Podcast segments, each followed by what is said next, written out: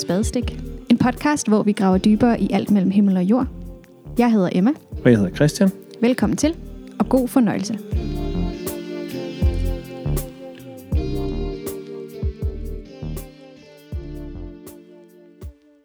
Velkommen til en ny episode af Spadestik, hvor vi i dag har besøg af Thomas Baldur, som har været med før, og vi er derfor rigtig glade for, at øh, du har lyst til at være med igen, Thomas, fordi vi ved, at du har meget godt at sige. Velkommen til. Jamen tak. Øhm, det er hyggeligt at være tilbage. Dejligt. Har du lyst til at lige kort at sætte ord på, hvem er du egentlig, til dem, der måske ikke lige kender dig? Ja. Jamen, øh, jeg er øh, præst i, øh, i Vadum, som er en lille forstad, sådan 10 minutter uden for Aalborg. Og øh, her har jeg efterhånden nu været præst i lige godt øh, 10 år i, øh, i Evangelisk Frikirke her i byen. Og øh, det trives jeg rigtig godt med. Jeg er sådan det der sted i livet, hvor, øh, hvor man begynder at se, at redden snart er ved at være tom. Øh, hvor, der, hvor der snart ikke er flere hjemmeboende, og hvor hunden netop er død. Øh, så vi, øh, vi er på vej mod, øh, mod den der fase af livet, hvor, hvor man skal til at orientere sig og, og genopfinde sig selv lidt. Øhm, så øh, det, er, det er sådan lidt om, hvor jeg er, øhm, både i, i arbejde og, og i livet i det hele taget. Øhm, jeg håber, det giver mening. det gør det. Dejligt, du har tid og lyst til at være med her også. Øhm, vi har jo spurgt, om du har lyst til at snakke Gammeltestamentet med os. Ja. Og måske prøve at, at, at sådan undersøge det lidt, diskutere det lidt, kigge på det på nogle forskellige ja. vinkler. Øhm, og det her, før da vi spurgte, hvor giver det mening at starte, så sagde du egentlig, jeg synes, vi skal starte i Babylon. Men inden ja. vi måske gør det, så nævnte du også, at du har lyttet til en af vores tidligere episoder om Bibelen, øhm, og at du egentlig også havde lidt nogle, nogle tanker omkring det. Har du lyst til at uddybe, hvad, Jamen, hvad det er, du har lyttet til, og hvad du har tænkt? Ja. Jamen, jeg sad jo og hørte her for nylig øh, en episode, I, I havde, hvor I snakkede med Lasse Åbum om, øh, om bibelsyn. Øh, og hvor jeg jo øh, sad og frydede mig. Øh, sad også øh, lidt og tænkte, fordi mens jeg sad og lyttede til den, der havde vi jo allerede aftalt, at, at vi skulle have den her snak i dag, og jeg tænkte, hold da op, han siger, han siger meget af det gode, jeg godt kunne have tænkt mig at have sagt. Øh, men så må vi jo finde på noget andet at snakke om i dag, men det kan jo så passende ligge i, i god forlængelse af, øh, af den spændende episode, som jeg da bare lige vil anbefale, øh, at man giver et lyt, øh, hvis ikke man har gjort det forinden. Fedt. Det er også godt med lidt, øh, lidt øh, reference til nogle af vores øh, andre episoder. Øh, men ellers, hvorfor er det, det kunne give mening at begynde en snak om Gammeltestamentet i Babylon? Det gør det i hvert fald øh, for mit vedkommende, fordi øh, meget af det, vi, vi finder i, i Gamle Testamente, øh, er for mig at se, og, og ikke kun for mig at se, men også for, for mange af de væsentligt klogere folk end mig, med forstand på Gamle Testamente, at se. øhm, det er formet af, at på et tidspunkt i, øhm, i Israels historie, så havner de i landflygtighed.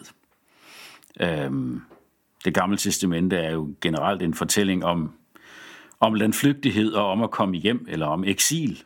Øh, enten eksil fra, fra paradiset i første Mosebog, eller eksil i Ægypten i anden Mosebog. Og så øh, noget længere hen i fortællingen et eksil i, i Babylon, øh, eller det vi i dag vil kalde Irak. Øhm, og en af de mest øh, berømte og følelsesladede tekster om det er salme 137, der øh, begynder med de berømte ord med Bab- ved Babylons floder sad vi og græd. Øh, og jeg er jo gammel nok til at kunne huske, da Boney M havde et hit med, med den tekst. Øh, så fik vi også lige sat lidt alder på her. Øh, det var jo sådan et, et uh, easy listening, feel good pop hit tilbage i min barndom, uh, By the Rivers of Babylon. Men det er jo en, en, en voldsomt tragisk, uh, rasende, øh, øh, ulykkelig tekst om at være i eksil som krigsfanger i et fremmed land, hvor de tilbeder helt andre guder, og det lader til at gå dem fremragende øh, til trods for det, altså babylonerne. Og, øh, og der sidder Israels folk og føler sig øh, mobbet og til dels gudsforladt. Og, øh, og salmen slutter med den her, øh, Øh, et, et af de mest forfærdelige vers for mig at se hele Bibelen. Øh, salmisten sidder og drømmer om at tage babylonernes øh, spædbørn og knuse dem mod en klippe. Så, så vred og så ked af det er, er han. Og i, en, i en mere konstrueret bog, i en i en religiøs bog, som, som skulle være mere pæn og poleret at se på, der ville man måske have fjernet den slags grimme udtryk. Men det er, jo, det er jo en af den slags rå ærligheder, der får lov at stå i Bibelen. Det her voldsomme følelsesudbrud om, øh, lykkelig er den, der tager de her babylonske møgeunger og kværner dem mod en klippe. Øh, det er jo et stærkt følelsesmæssigt afsæt, men også... Øh, også et udtryk for en situation, hvor, hvor Israel som folk sidder og tænker, hvorfor er vi egentlig her? Altså, hvordan, hvordan gik det til, at vi øh, gik fra at, at bo i vores eget land og i bund og grund øh, have det godt på mange måder og dyrke vores marker og høste dem og øh, spise os mætte og være glade, til pludselig at, at være havnet her som krigsfanger. Hvad, hvad, holdt Gud ikke den aftale, vi havde med ham? Jo, det, det gjorde han faktisk. Øhm, og, og det, er jo det, det er jo den forfærdelige erkendelse, som så finder sin, sin, øh, sit udtryk i, i den form, som både Mosebøgerne og så mange af de øvrige tekster i det gamle testamente har i dag. Øh, at der, der blev faktisk lavet en aftale, hvor Gud sagde, jamen, øh, hvis, hvis I er lojal over for mig, øh, hvis I øh, holder jer til ikke at tilbede andre guder end mig, øh, så, så vil jeg pas på jer, og så vil jeg holde min del af aftalen, sådan så det skal gå jer godt. Men, øh, men hvis I begynder sådan at, at lave helgarderinger på tipskupongen, så at sige, øh, og, og både bide til mig og, øh, og til andre guder, sådan for at være på den sikre side, for at høsten den må lykkes og sådan noget, så, ja, så er aftalen brudt. Øhm, og man kan jo spørge sig selv, når man øh, læser både i Mosebøgerne og i kongebøgerne og andre steder om, altså der er jo opremsninger af, hvad der vil ske med Israel, hvis de gør det. Og så kan man jo spørge sig selv, er det en, er det en forudsigelse, som blev fremsagt dengang for længe siden, eller er det en efterrationalisering, som Israel laver, øh, mens de sidder der i Babylon og prøver at besinde sig på deres situation? Øhm, og det er måske nok en blanding. Jeg kan bare ikke, jeg kan bare ikke sådan lige sidde her og sige sådan procentvis, hvor meget advaret var de i forvejen, og hvor meget efterrationalisering er der i det. Øhm. Nå, det blev en meget lang tirade. Ja.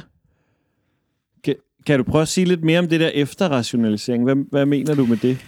Øhm.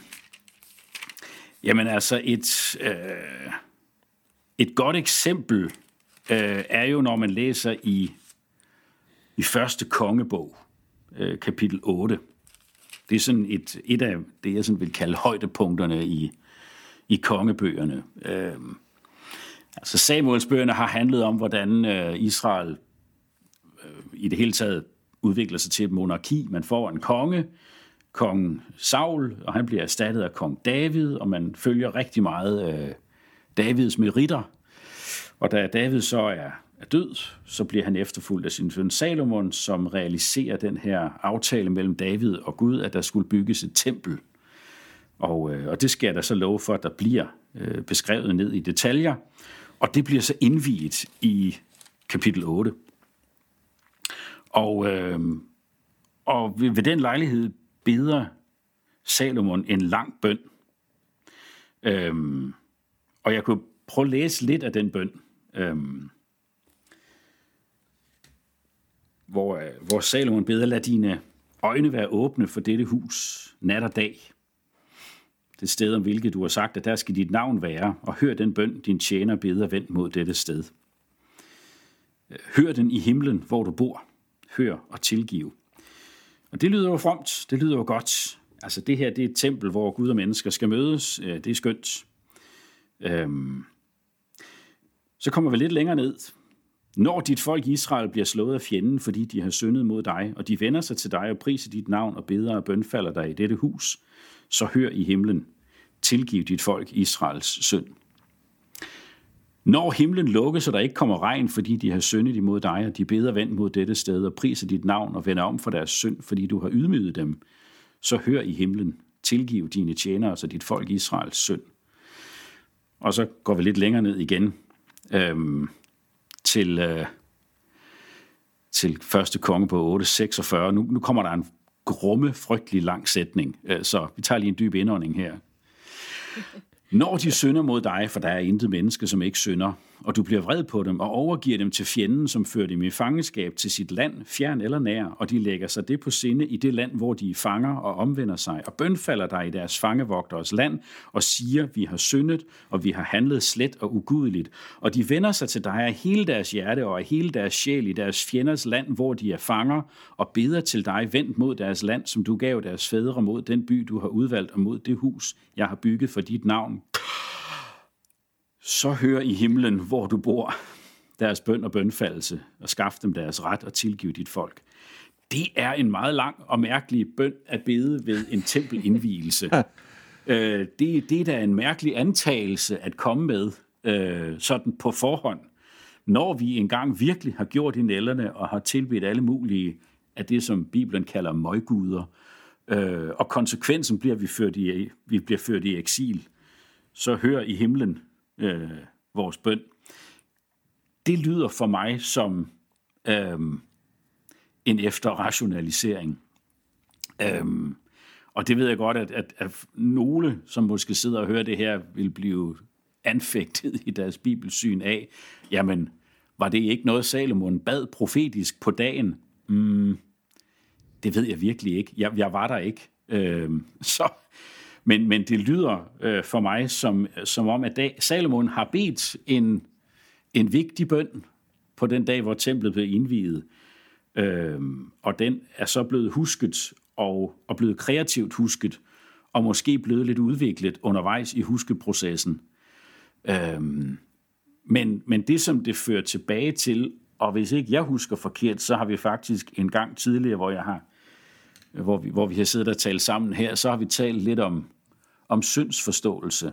Øhm, og, og det, som er en ikke bare en rød tråd, men, men et tykt rødt reb igennem i særdeleshed Samuelsbøgerne og kongebøgerne, det er jo, at synd er først og fremmest, når man begynder at helgardere sig på tipskupongen og, og tilbede andre guder end den ene gud, som Israel skulle tilbede. Øhm, det, det er et, et meget for mig i hvert fald, fremmed forhold til etik og menneskesyn, der kommer til udtryk i kongebøgerne. Det er ikke så problematisk at gå i krig og slå mennesker og dyr ihjel. Det er ikke så... Altså, menneskeliv øh, øh har en meget relativ værdi i kongebøgerne. Øh, vold synes at være en helt almindelig ting, men afgudstyrkelse, det er det er det utilgivelige, var jeg lige vil sige, eller ikke, nej, utilgiveligt, det er der ikke noget, der er hos Gud, men det er det det er det dybt alvorlige og problematiske, som, øh, som gør, at Israel bevæger sig væk fra, fra den menneskelighed, som de var skabt til. Øhm. Og, og det øh, fører for mig at se også til en, en, øh, en anden efterrationalisering. Og nu, nu har jeg ligesom alligevel rodet mig ud i noget, der måske kan, kan anfægte nogen, men så, så lad os bare tage skridtet længere ud igen. Øhm, øhm, Bibelen begynder med en fortælling om, at Gud skaber himlen og jorden, og skaber, som der så fint står, mennesket i sit billede. Øhm, og for mig at se, er det en fortælling, som også bliver til i Israels bevidsthed, mens de er i Babylon. Øhm, og det vil sige, at dem, der måtte sidde og høre det her og, og tænkte, at Moses havde skrevet Mosebøgerne, de kan godt blive hægtet lidt af nu måske. Øh, sorry, men Israel sidder ved Babylons floder og græder og kigger op på på det, som hedder øh, sigurater. Øh, det er gamle templer, som man stadigvæk kan se den dag i dag i Irak kæmpestore templer, kæmpestore babelstårne, øh, som, øh, ja, som var rammen om en gudstyrkelse. Det virkede meget succesrig øh, i Babylon. Øhm,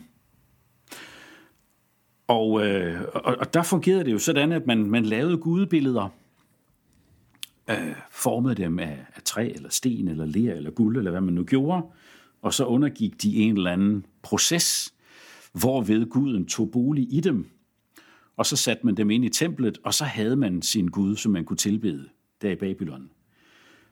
Og øh, i protest mod det, så fortælles der jo i Israel, nej, det er faktisk lige omvendt. I begyndelsen skabte Gud, øhm, og, og, og den himmel og jord, der, der skabes, den, den beskrives som et tempel. Og øh, så er det ikke mennesker, der skaber og former Guds billeder. Det gør Gud selv. Det er ikke mennesket, som manipulerer Guds ånd ind i Guds billedet. Det gør Gud selv. Gud indblæser sin ånd, og derved bliver Gudbilledet levende. Det bliver til levende mennesker, som Gud opstiller øh, i, i sin verden. Øh, på samme måde som den babyloniske kejser opstillede billeder af sig selv rundt om i sit rige, for ligesom at sige, her hvor de billeder står, jamen det er min, det er mit territorium. Så er Israels fortælling, øh, Gud skaber mennesker i sit billede og opstiller dem i sin verden og siger dermed, den her verden, den er min. Og, øh, og det er menneskets opgave, hele formålet med menneskelighed, er at være et billede af Gud. At afspejle Guds godhed og velvilje, hvor vi er. Og det kan vi kun, hvis vi faktisk forbliver i en god relation til Gud. Øh, og det er derfor, øh, at Israel gang på gang opdager, at deres menneskelighed, hele deres formål, hele, øh, måske, måske skal vi ikke sige deres, hele vores øh, formål med at være mennesker, øh, den sætter, det sætter vi over styr, hvis vi begynder at tilbede nogen eller noget andet end Gud. Og derfor har vi nogle Samuelsbøger og nogle kongebøger blandt andet, som, øh, som beskriver, hvordan det igen og igen og igen og igen bliver ved med at være en fristelse og et problem for, øh, i det tilfælde her, øh, de, de 12 israelitiske stammer, at, at holde sig på den kurs og holde sig inden for den pagt. Det er ikke nemt. Øh, og man skulle tro, at, at man lærte af sin fejl. Det, øh, det, gør, det gør man ikke. Det gør jeg så heller ikke altid. Så, så på det punkt, der, der, der holder det jo stadigvæk stik som et billede, jeg kan spejle mig i. Hmm. Ja, hold da op. Nu fik jeg igen sagt noget i alt for længe. Nu tror jeg lige vil skænke mig en kop kaffe. Ja, det er godt nok. jeg, jeg, når jeg hører dig fortælle, så, så, så ligger der jo det her så nedenunder, ikke? Som, som er et spørgsmål, vi har stillet mange gange i den her podcast, som er, hvad stiller vi egentlig op med Bibelen, og måske i særdeleshed også, hvad stiller vi op med, med det gamle testamente. Ja. Og så siger du, det er der nok nogen, der vil blive anfægtet mm. over. Så tænker jeg, øh, hvorfor bliver du ikke anfægtet? Som, øh, både som teolog, men også som præst og, og sådan helt almindelig øh, kristen. Mm. Jeg øh, er vokset op i en kirkelig tradition, hvor, øhm, hvor man lagde meget stor vægt på at være, som vi sagde dengang, bibeltro. Øhm, og, og det vil jeg faktisk sige, øh, det, det er stadigvæk vigtigt for mig at være tro imod bibelske tekster. Øh, det, der bare har udviklet sig meget for mit vedkommende, er, hvad vil det sige? Øhm, og det, som som jeg personligt er blevet overbevist om øh, igennem årene, og igennem at have læst ikke bare det gamle testamente, men også at have læst en del litteratur om det gamle testamente, det er, det, det kan for mig at se ikke gå an. At vi, vi er ikke tro imod Bibelen, hvis vi prøver at gøre den til noget andet, end, øh, end den er, eller end den er tænkt som. Øhm, hvis en fortælling som Jonas bog, jeg tror også, I snakkede lidt med, med Lasse om den sidst, hvis den er en rabinsk lignelse, som er opdigtet for at formidle en pædagogisk pointe, så er jeg ikke tro imod den tekst, hvis jeg insisterer på, at den skal læses som noget, der historisk har fundet sted. Og at Jonas rent faktisk blev slugt af en valfisk, eller en val, og, øh, og spyttet ud igen. Øhm, hvis skabelsesberetningen er, øhm, er en teologisk protest imod Babylons flerguderi, øh, så, så er jeg ikke tro imod teksten, hvis jeg insisterer på at læse den som en, en historisk beskrivelse af, hvordan jorden blev til. Øh, jeg er ikke tro imod øh, salme 137, hvis jeg tænker, jamen der står i Bibelen, at man gerne må ønske at smadre spædbørn mod klipper. Nej, det er, det er et stærkt følelsesladet stykke poesi, som fortæller mig, at jeg må være ærlig, helt ind til benet over for Gud om, hvordan jeg har det.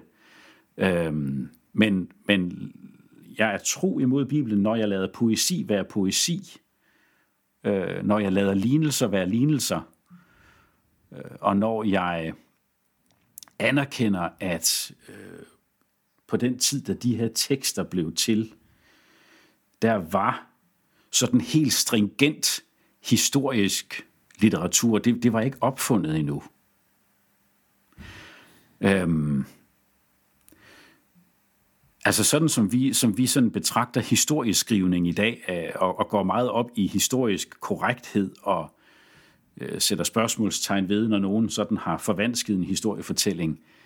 Øhm, den type sådan meget stringent historielitteratur var ikke opfundet øh, på den tid, da Bibelen blev til. Der, øh, der var et element af noget historisk øh, blandet sammen med øh, en form for teologisk pointe, øh, en form for belæring.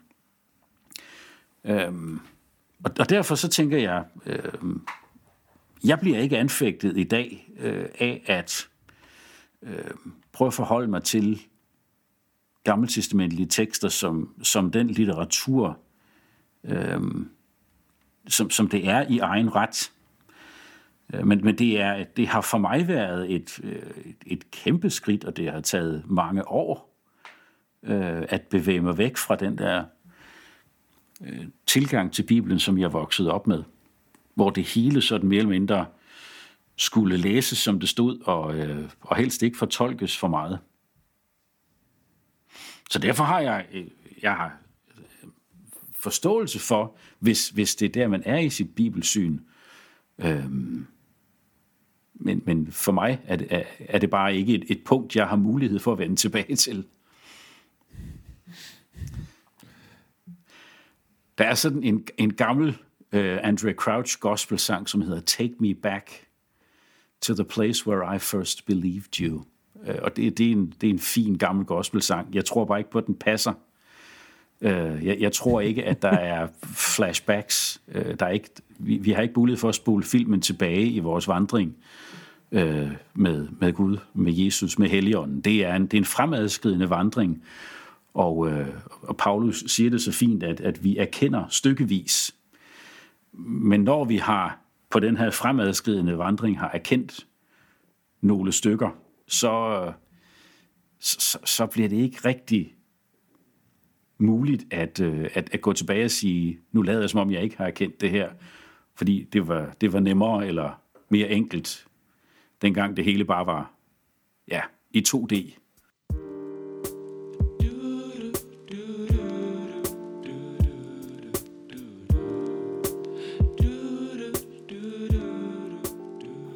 Mås- måske lidt i tråd med det. Du har allerede netop talt meget om sådan eksilet som sammenhængen for man siger, mange af de, de steder, hvor at de her gamle testamentlige skrifter er blevet til. Men så er det jo, som du også har nævnt, derudover også, er der jo masser af, uh, fik jeg skubbet til min mikrofon, en masse, altså der er en masse eksil som tema i løbet så af teksterne. Ja. Øhm, jeg tænker, hvordan tror du, at man siger, eksilet som tema kan, kan tale til, til mennesket i det 21. århundrede?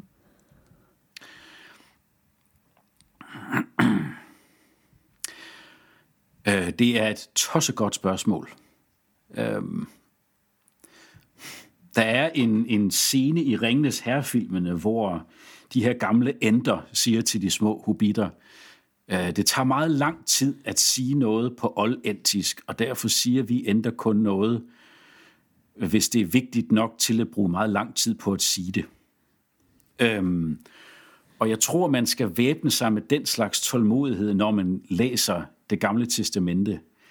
Øh, det er, jeg tumler tit med, at jeg egentlig gerne ville, øh, ville bruge gammeltestamentlige tekster som prædikentekster.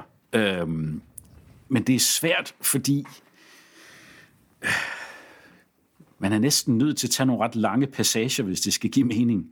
Nogle gange strækker det sig over flere kapitler, det er ikke ret mange menigheder, der har tålmodighed til det. Øhm, det er en lang fortælling om eksil, hjemkomst, eksil, hjemkomst, eksil, hjemkomst. Og, og det er faktisk i så udpræget grad, at, øhm, at med tiden blev det jo sådan i Israel, at øh, sætningen tilgive vores synd nærmest blev synonym med før os hjem til vores hjemland øh, eksil og, og, og død blev jo synonymer. Så, så det at blive oprejst til liv øh, og ført hjem øh, blev et udtryk for syndsforladelse. Og, og det finder jo sit, øh, for mig at se, sit klimaks i, i den fortælling, vi finder i det nye testamente om, om Jesus, som, øh, som igennem et helt liv forbliver tro. Som ikke, øh, sådan fortælles det om ham, som ikke på noget tidspunkt synder, altså som ikke på noget tidspunkt sætter noget eller nogen højere end, øh, end sit forhold til faderen. Og på vegne af Israel og på vegne af os alle sammen går ind i det øh, ultimative eksil, ind i døden og bringes tilbage fra det eksil, bliver oprejst fra død til liv. Øhm, hele den fortælling om Jesus, som, som kristentroen bygger på og forkynder, øhm, den, den går tabt, hvis ikke vi får Gammeltestamentets fortællinger om eksil godt og grundigt ind under huden. Øhm, hvis ikke man på en eller anden måde smager på, hvad det vil sige at sidde ved Babylons floder øh, og græde og føle sig sat uden for døren. Øhm, og, og, og forstår, at det at være øh, væk fra, fra hjemlandet hos Gud, det at være født i eksil, det, øh, det, det er konsekvensen af at begynde at, at vende sindet imod, imod andre guder. Øhm, så derfor giver det for mig mening at, at væbne mig med tålmodighed og, øh, og læse de her eksilberetninger. Øhm, og øh, ja, mærke den, den følelsesmæssige dybde i dem. Jeg, jeg tænker sådan en lille indskudt bemærkning, hvis man synes, at øh, Gamle Testamente er en lille smule øh, langt og oldentisk, eller bare, ja. bare langt at komme igennem, så, øh, så er det noget, noget jeg sådan for nyligt har opdaget, at, øh, at Bibelen 2020, som jo er skrevet i et lidt mere letforståeligt sprog, øh, er indtalt på lydbog. Og hvis man har sådan et eller andet lydbogsabonnement, så kan man faktisk høre ja. den der. Øh, og man kan faktisk, det lyder måske øh, ukristeligt, men man kan faktisk også skrue op for hastigheden, hvis man for eksempel som mig bliver lidt utålmodig, når de læser for ja. langsomt. Og det, det er faktisk, synes jeg, en ret sjov måde at, at også komme ned i nogle af de der gamle fortællinger og få, altså få noget, få noget mere sammenhæng ind i ens øh, bibellæsning. Og måske også en sjov måde at, at øh, få noget overblik over det gamle testamentes fortællinger. Øhm, det kan man jo høre på vej til fra arbejde, eller hvad man nu Ja, og, og så er der jo indbygget en, en snydekode i, øh, i Bibelen 2020, Forstået på den måde, at øhm, hvor der sådan i den autoriserede oversættelse nogle gange kan være mange gentagelser, så er der i hvert fald nogle steder, hvor man i Bibelen 2020 har sagt, dem behøver vi ikke. Så dem dropper vi. Øhm, så, så kapitlerne bliver også øh, ikke bare mere mundret øh, nutidigt oversat, de er simpelthen også kortet ned nogle steder, og det kan man så diskutere, om man, om man synes, det er legitimt. Øh, men, men du har helt ret, at det er en... Øh, øh hvis man gerne vil have fortællingen ind under huden, så er det alle tiders øh, mulighed at, øh, at gå og høre det som lydbog i en forkortet udgave, måske endda på øget hastighed. Øhm, ja. Og så kan det være, at man får appetit på sådan, at ville, øh, at ville i hvert fald se nogle af delene i, i den mere fyldige form øh, senere hen. Ja. Hvis man nu netop så for eksempel begynder at lytte til en masse gammeltestamentlige bøger, eller læse dem igennem selv, og man så netop oplever faktisk at blive mm. anfægtet, og blive enormt vred, eller skuffet, eller bare meget forundret over, hvad det egentlig er, der foregår. Øhm, har du så nogle gode råd til, hvad man ligesom, hvor kan man søge man siger, hjælp, eller hvad kan man ligesom gøre? Altså, er det et problem at blive anfægtet, eller er det egentlig okay, og hvad skal man gøre ved det? Jeg tror, det er et problem ikke at blive anfægtet, når man læser det gamle testamente. Hvis man kan læse det uden at blive anfægtet, så, så tror jeg, man skal søge lægehjælp. Øh, fordi øh, det gamle testamente i, i lange passager, tænker man, det er jo det rene voldsorgie. Altså, øhm, om man læser øh, Josva-bogen eller Dommerbogen, så får man jo et indtryk af en Gud, der nærmest ikke bare legitimerer, men, men befaler folkemord. Øhm, øh, der, der bliver jeg voldsomt anfægtet, og der må jeg jo spørge mig selv, øh, hvordan harmonerer det med et, et gudsbillede, jeg kan, øh, jeg, jeg kan tro på? Øhm, og øh, jeg og, og mange andre vil jo øh, sige, øh, den, den, for, en, for en kristen vil den ultimative fortolkningsnøgle være Jesus. Øh, og, og hans måde at være menneske på, øh,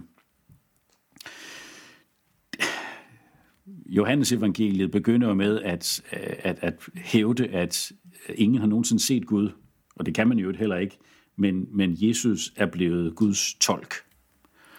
Og, øh, og alt, vi læser i Bibelen, også i det gamle testamente, må, må fortolkes øh, i lyset af, af, af den måde, Jesus er menneske på, og den måde, Jesus vandrer med Gud på. Og der må jeg bare sige, der er lange passager i Josva-bogen, i Dommerbogen, i øh, Samuelsbøgerne, i kongebøgerne, som, øh, som, som jeg ikke kan se Jesus gå ind og være en del af.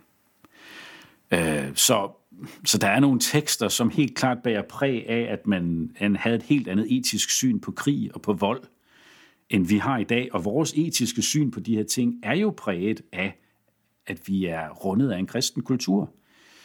Øh, vores etik er er langt mere præget af Jesus, end mange mennesker er villige til at indrømme. Øh, hele den moderne humanisme ville ikke have eksisteret, havde det ikke været for Jesus. Øh, så øh, så den, den linse læser jeg det gamle testamente igennem.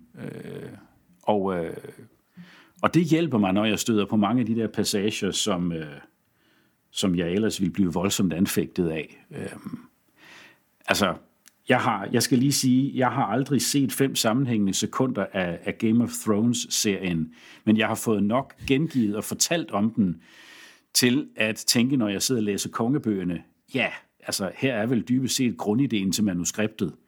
Øh, det er simpelthen øh, magtkampe og intriger og snimor og voldtægter øh, og revolutioner øh, og oprør og, og flere mor igen. Øh, og hvis ikke jeg tager meget fejl, og, og nu må Game of Thrones fans jo så rette mig, men, men, men så er det vel grundlæggende det, den handler om. Øhm, så. ja. ja, altså jeg, jeg plejer at sige, at øh, nogle af de der øh, kongebøgerne og krønikebøgerne, de er jo sådan set bare Game of Thrones uden drager. Ja. Ja. Øhm, så, så ja, der, der, der kaldes på et, øh, et, et etisk filter hos os. Og, øh, og ja, jeg mener, der er ikke bare bider hister her, der er simpelthen øh, lange passager i, i det gamle testamente, som jeg er nødt til at sige, det her, det tager jeg afstand fra. Fordi øh, som en, der bekender mig til Jesus, så, så kan jeg ikke se andet end, at jeg er nødt til at tage afstand fra en, en tolkning af Gud som, som en, der legitimerer øh, folkemord, altså på mænd, kvinder og børn og dyr.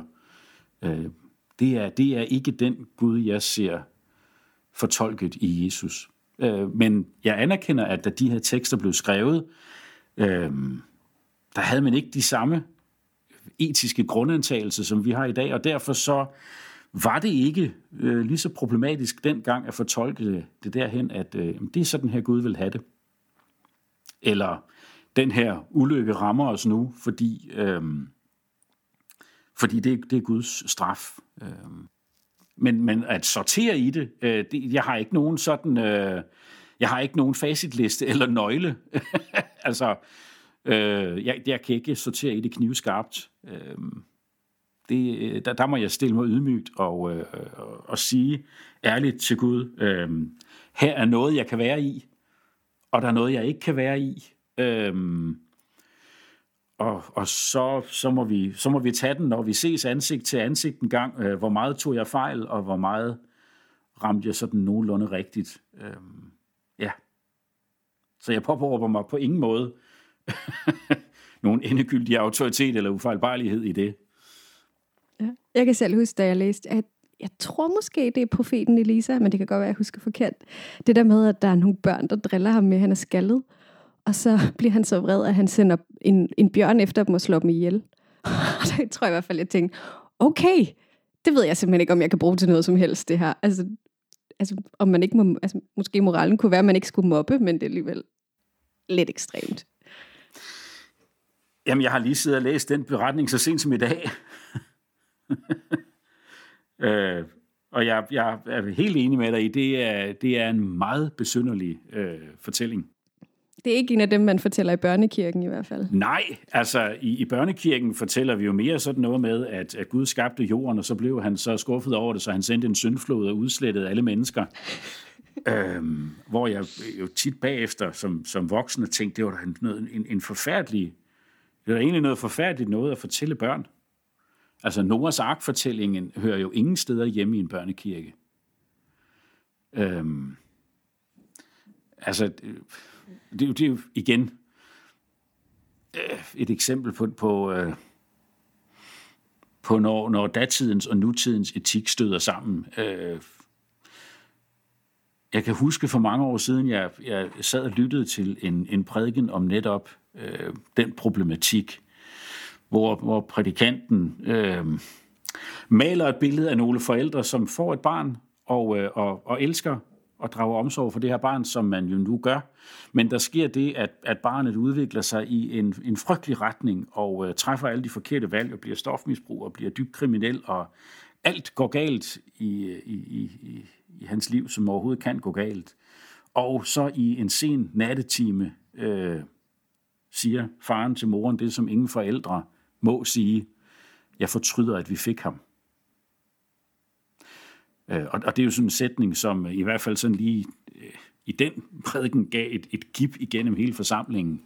Jeg fortryder, at, at vi fik ham. Men det er jo sådan, Noras ark-fortællingen nærmest begynder, at Gud siger, jeg fortryder, at jeg har skabt mennesken. Altså, det er simpelthen gået så meget af pommeren til, at øh, det står nærmest ikke til at redde. Men der er en enkelt mand og hans familie, som jeg giver chancen, og alle andre udrydder jeg. Øh, hvordan det så gik øh, hen og blev øh, en børnebogsfortælling om en hyggelig sejltur med en masse søde dyr, øh, det, det, det, er, det er et bizart stykke kirkehistorie. Øh, der, der tænker jeg, vi, vi øh, det er, jo, det er jo virkelig en tankevækkende, at mange af de gamle testamente fortællinger, som vi synes er for svære at have med at gøre inde i kirkerummet for voksne, dem, dem tager vi over i børnekirken. Så, øh, så vi lader David slå Goliat ihjel, øh, over i børnekirken. Øh, og så hører vi over i voksenkirken om, hvordan Jesus døde for vores synd. Øh,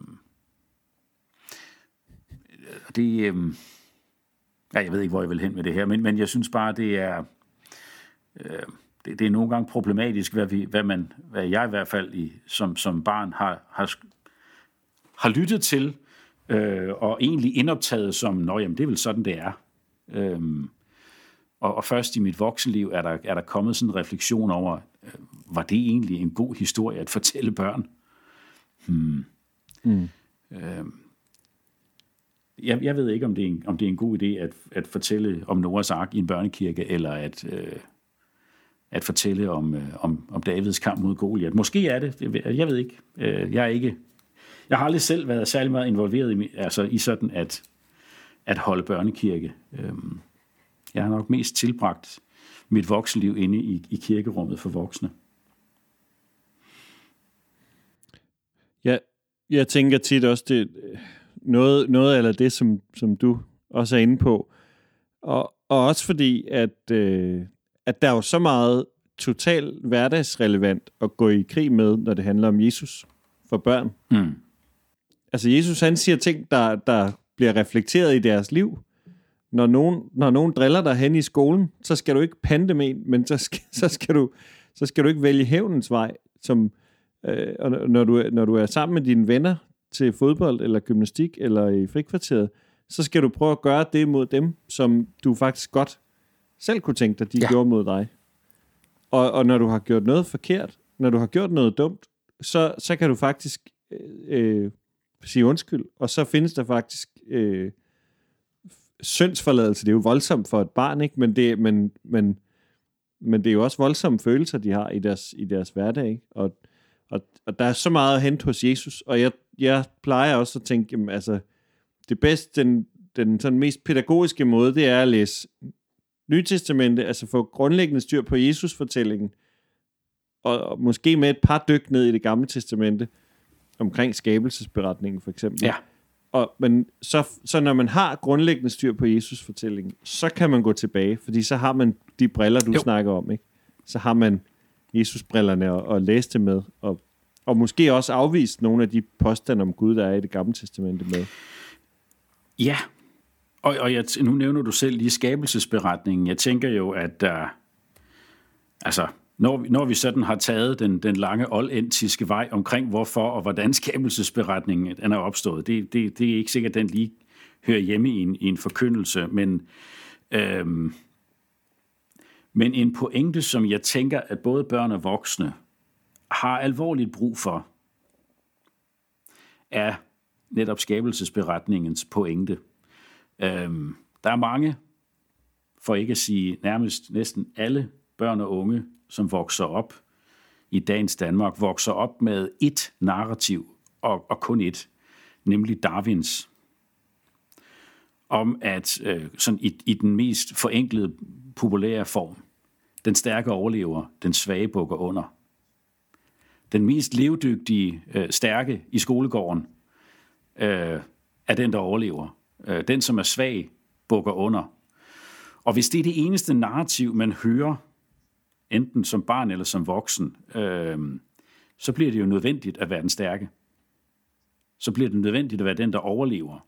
Øh, hvor jeg synes, øh, Bibelens skabelsesberetning, øh, den, den skal ikke skubbe biologi og udviklingslære til side, men, men, det, men det gælder begge veje.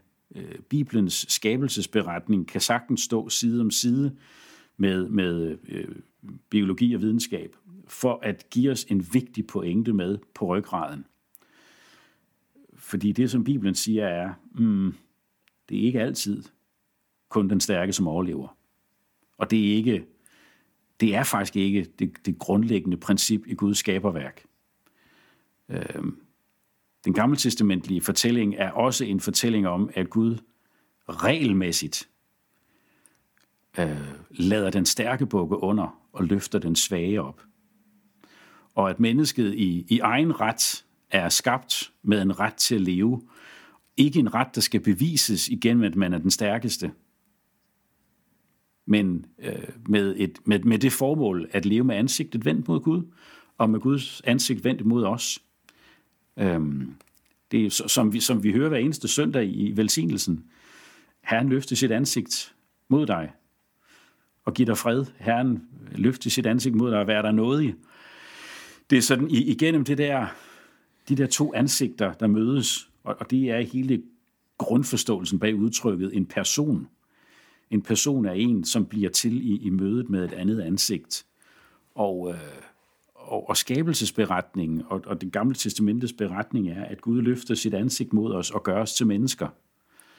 Øh, så vores øh, eksistensberettigelse er ikke at være den stærkeste. Øhm, og det narrativ, øh, den, den fortælling er for mig at sige bydende nødvendig at få fortalt højt og vidt og bredt. Fordi jeg, jeg ser en, en verden omkring mig, som i alt for høj grad kun lever på evolutionsnarrativet. Og det er ikke kønt at se på. Altså det, det bliver bare ikke en god verden at leve i. Hvis min eksistens altid skal være betinget af, at jeg er den stærkeste på bekostning af nogle andre.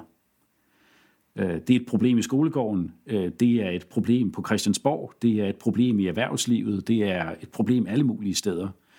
Øh, det er opskriften på mistrivsel øh, Og mistrivsel jo ikke mindst øh, som noget, vi, vi ser alt for meget af lige nu, når vi kigger rundt i, øh, vi kigger rundt i verden. Øh, hvis vi kigger rundt på mange af dem, der måske sidder og lytter med på det her, så er der i den grad øh, mange, der døjer med en mistrivsel, som jeg tænker, at det gamle testamente har en, en, en vis portion modgift imod. Øh, du er menneske i, i egen ret og, og i Guds ret, øh, og ikke kun øh, i kraft af, hvad du kan bevise. Hmm. Ja. Og det synes jeg jo så er noget af det vidunderlige, der dukker op i nogle af de her uh, Game of Thrones-fortællinger i kongebøgerne. At vi følger i lange perioder nogle konger, som enten gør godt eller gør dårligt, men så lige pludselig, så skal vi også lige dykke ned i en fattig enke, som, som ikke har noget at spise, og hendes søn er ved at dø, og så skal vi lige følge med i, hvordan Gud drager omsorg for hende. Øhm, altså, så vi, vi bevæger sådan for de der høje, øh, magtliderlige luftlag, hvor, hvor kongerne øh, kæmper med og mod hinanden, og så en gang imellem, så skal vi lige ned og møde de allermindste, og se, at øh, uanset hvad de, hvad de laver op i, i de fine salonger, øh, så, øh, så har Gud omsorg for, for de allermindste.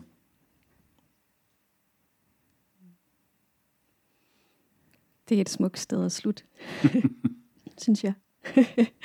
Men har du ellers, er der ellers noget, du lige tænker, du brænder inde med, eller lige kunne have lyst til at afrunde med? Udover det, du lige har sagt, som jo var godt. Jeg tror måske, det er et meget godt sted at, øh, at, at slutte som mm. sådan en, en teaser, en appetitvækker til. Prøv at øh, enten sætte dig ned og læse øh, de her på en gang grumme og fantastiske fortællinger, eller, eller find dem øh, på, på Mofibo, eller hvor man nu hører sine lydbøger, og, øh, og få, få de her fortællinger ind under huden, fordi øh, de kan noget.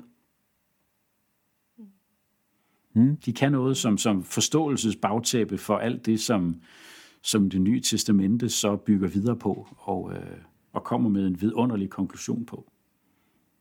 Dejligt. Tusind tak, fordi du ville være med, Thomas, og hive os igennem en masse virkelig, virkelig spændende ting i Gamle Testamente. Jamen selv tak for, øh, ja. for en god anledning til endnu en, en, en dejlig snak. Og som altid er det også godt, at du er med, Christian. Ja, men det er jo også godt, at du er med. Fedt, og også godt, at øh, du lytter med derude, hvis du er kommet så langt. Og som altid, så øh, er vi jo meget glade for kommentarer og ris og ros og idéer til spændende mennesker, som vi kunne snakke med. Så øh, kontakt os endelig. Og ellers så lyttes vi ved en anden gang.